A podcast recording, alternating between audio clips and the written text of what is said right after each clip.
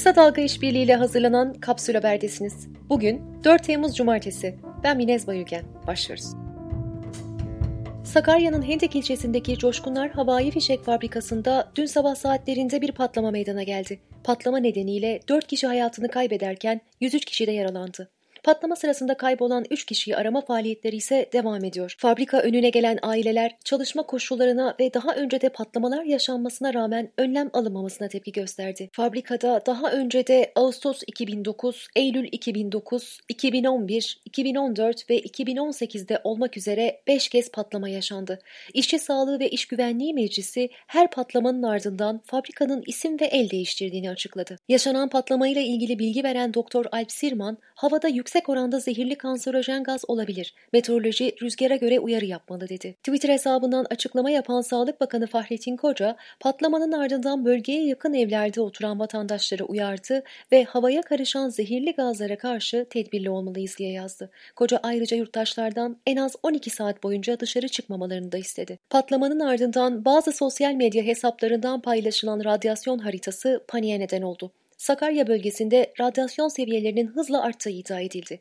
İddiayı inceleyen teyit bunun doğru olmadığı sonucuna ulaştı. Teyidin ulaştığı bilgilere göre bölgedeki radyasyon seviyesinde herhangi bir değişiklik görünmüyor. Ayrıca havai fişek yapımında radyoaktif maddede kullanılmıyor. AKP'nin meclise sunduğu çoklu baro teklifi ikinci gününde Adalet Komisyonu'nda görüşülmeye başladı. Görüşmelere katılmak isteyen bazı baro başkanları meclise alınmadı. Çankaya kapısı girişine dün akşam saatlerinde gelen baro başkanları beklemeye devam ederken yeni gelen baro başkanlarının yaya olarak geçişlerine izin verilmedi. İçeri alınmayan baro başkanları CHP'li vekillerin araçlarına binerek polis kontrol noktasını geçti. Türkiye Barolar Birliği Başkanı Metin Feyzioğlu, meclise alınmayan baro başkanlarıyla ilgili komisyona çağrıldınız ama gelmediniz diye konuştu. Ankara Emniyet Müdürlüğü, Ankara Adliyesi önünde düzenlenen eyleme dair bir açıklama yaptı. Grup içerisinde bulunan bazı kişilerin personele saldırdığı öne sürülen açıklamada suç duyurusunda bulunacağız dendi. Cumhurbaşkanı Tayyip Erdoğan toplumsal cinsiyet eşitliği ilkesine dayanan İstanbul Sözleşmesi için partisine talimat verdi. Gözden geçirin, halk istiyorsa kaldırın dedi. Ayasofya'nın müzeye çevrilmesinin iptali istemiyle Danıştay'da görülen davanın kısa süren duruşmasında savcı, işlem hukuka uygundur. Ayasofya'nın açılması Cumhurbaşkanlığının takdirinde dedi. Karar iki hafta içinde açıklanacak. Milli Eğitim Bakanlığı şartların uygun olması durumunda ders yılının 31 Ağustos'ta başlayacağını duyurdu. ÖSYM Başkanı Profesör Doktor Halis Aygün, YKS'de müzisyen Mabel Matiz'e ilişkin soruyla ilgili inceleme başlatıldığını açıkladı. Eski milli güreşçi Hamza Yerlikaya'nın Vakıfbanka Yönetim Kurulu üyesi olarak atanmasını eleştiren Liberal Demokrat Parti üyeleri İzmir'deki bölge müdürlüğü önünde güreşti ve bankaya iş başvurusunda bulundu. İBB'nin önceki dönemde iştiraki Kiptaş'la AKP'li vekiller Ahmet Hamdi Çamlı ve Harun Karaca'nın şirketine akaryakıt istasyonu fonksiyonlu arazi sattığı ortaya çıktı. Sağlık Bakanlığı'nın COVID-19 Türkiye durum raporunu değerlendiren Türk Tabipleri Birliği, hasta sayısındaki artışın endişe verici olduğunu söyledi. Test verilerin paylaşılmasını bir kez daha talep eden TTB, salgın kontrol altında diyemiyoruz dedi. Covid-19 üzerine yapılan küresel bir araştırma, virüsün geçirdiği mutasyonla daha hızlı ve kolay bulaştığını ortaya koydu. Mutasyonun daha ağır bir hastalığa neden olduğuna dair bilimsel bir kanıtsa henüz mevcut değil. Dünya Sağlık Örgütü vaka sayılarında görülen artışın ilk dalganın ikinci tepe noktası olduğunu vurguladı. Örgüt, koronavirüsün insanlık için uzun vadeli bir tehdit olduğunu ve hastalığın süreklilik göstermesinin beklendiğini söyledi. Dünya Sağlık Örgütü ayrıca Çin'in ilk koronavirüs vakalarını zamanında bildirmediğini kabul etti.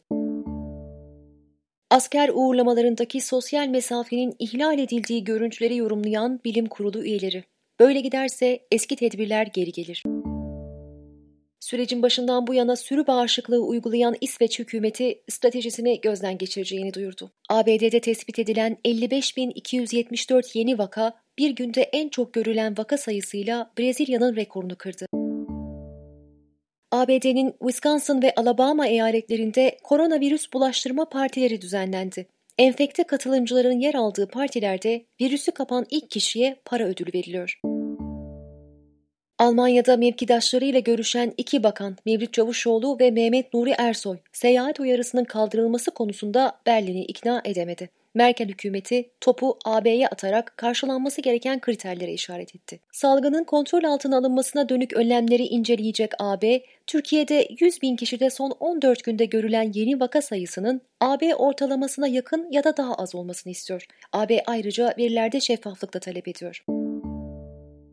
Amazon'un sahibi Jeff Bezos'un serveti 172 milyar doları bularak kendi rekorunu kırdı. Dünyanın en zengin insanı konumundaki Bezos, çalışanlarına yarım milyar dolar teşekkür ikramiyesi dağıtacak.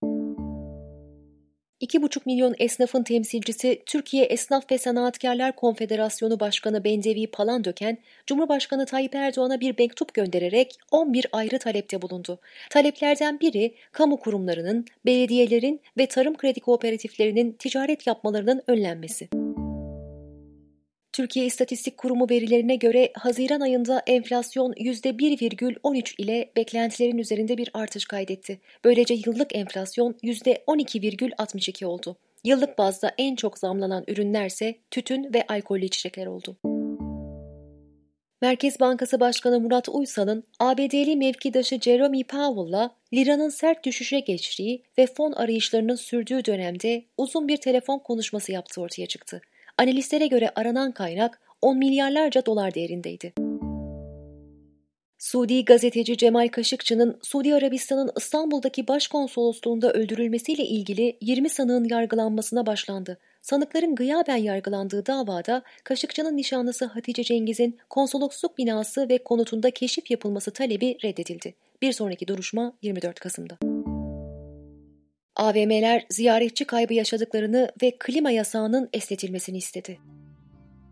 Günün sözüyle kapatıyoruz. Dragos sahilinde denize giren Mustafa Genç. Çok sıcak, gerekirse denizden çıkmamayı düşünüyorum.